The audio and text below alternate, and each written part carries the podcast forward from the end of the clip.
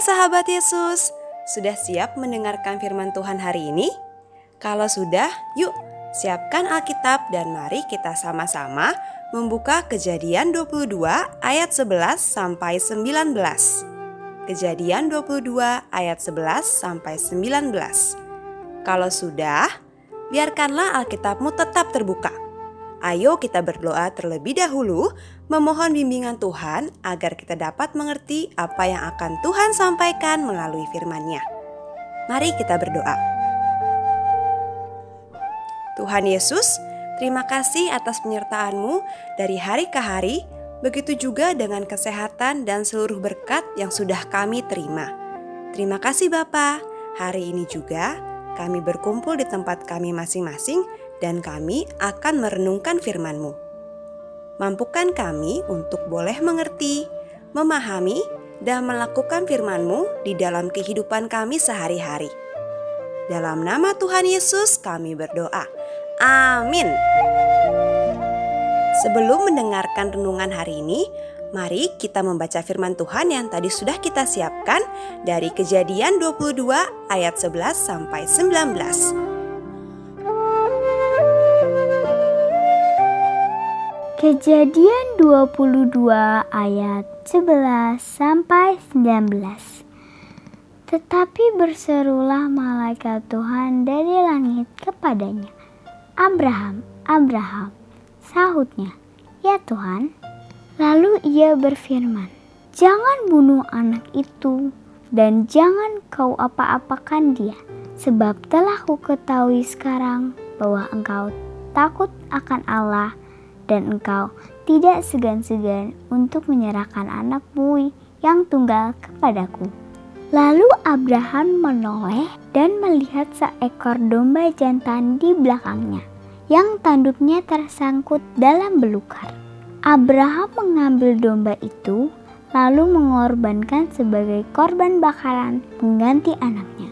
Dan Abraham menamai tempat itu Tuhan menyediakan. Sebab itu, sampai sekarang dikatakan orang, di atas gunung Tuhan akan disediakan.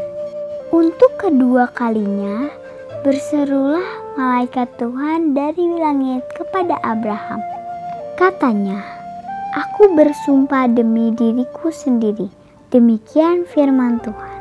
Karena engkau telah berbuat demikian, dan engkau tidak segan-segan untuk menyerahkan anakmu yang tunggal kepadaku, maka aku akan memberkati engkau berlimpah-limpah dan membuat keturunanmu sangat banyak seperti bintang di langit dan seperti pasir di tepi laut. Dan keturunan itu akan menduduki kota-kota musuhnya.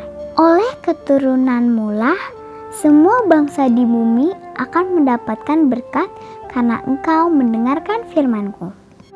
Kemudian kembalilah Abraham kepada kedua bujangnya.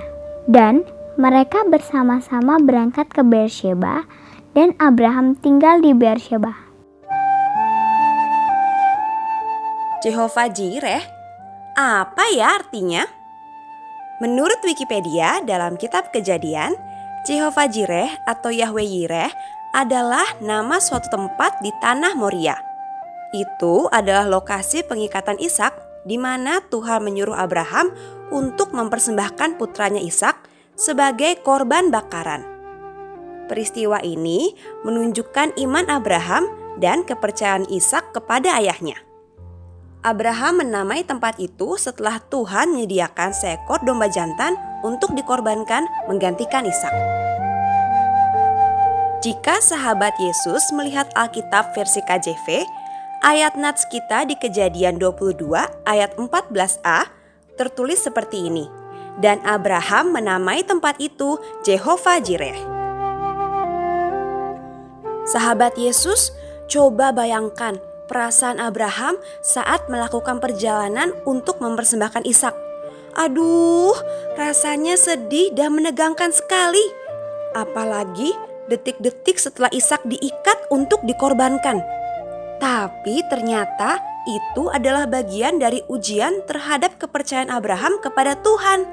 Abraham taat Dan akhirnya Tuhan menyediakan apa yang dibutuhkan Abraham, yaitu seekor domba sebagai korban bakaran pengganti Ishak putra tunggalnya. Jehovah Jireh berlaku sampai saat ini dan selama-lamanya, sehingga kita tidak perlu takut akan segala keperluan kita. Taat saja, karena Tuhan tahu dan pasti menyediakan yang terbaik untuk kita. Baik kebutuhan sekolah, kebutuhan mama papa, kebutuhan makan minum, dan segalanya. Maukah sahabat Yesus melakukannya?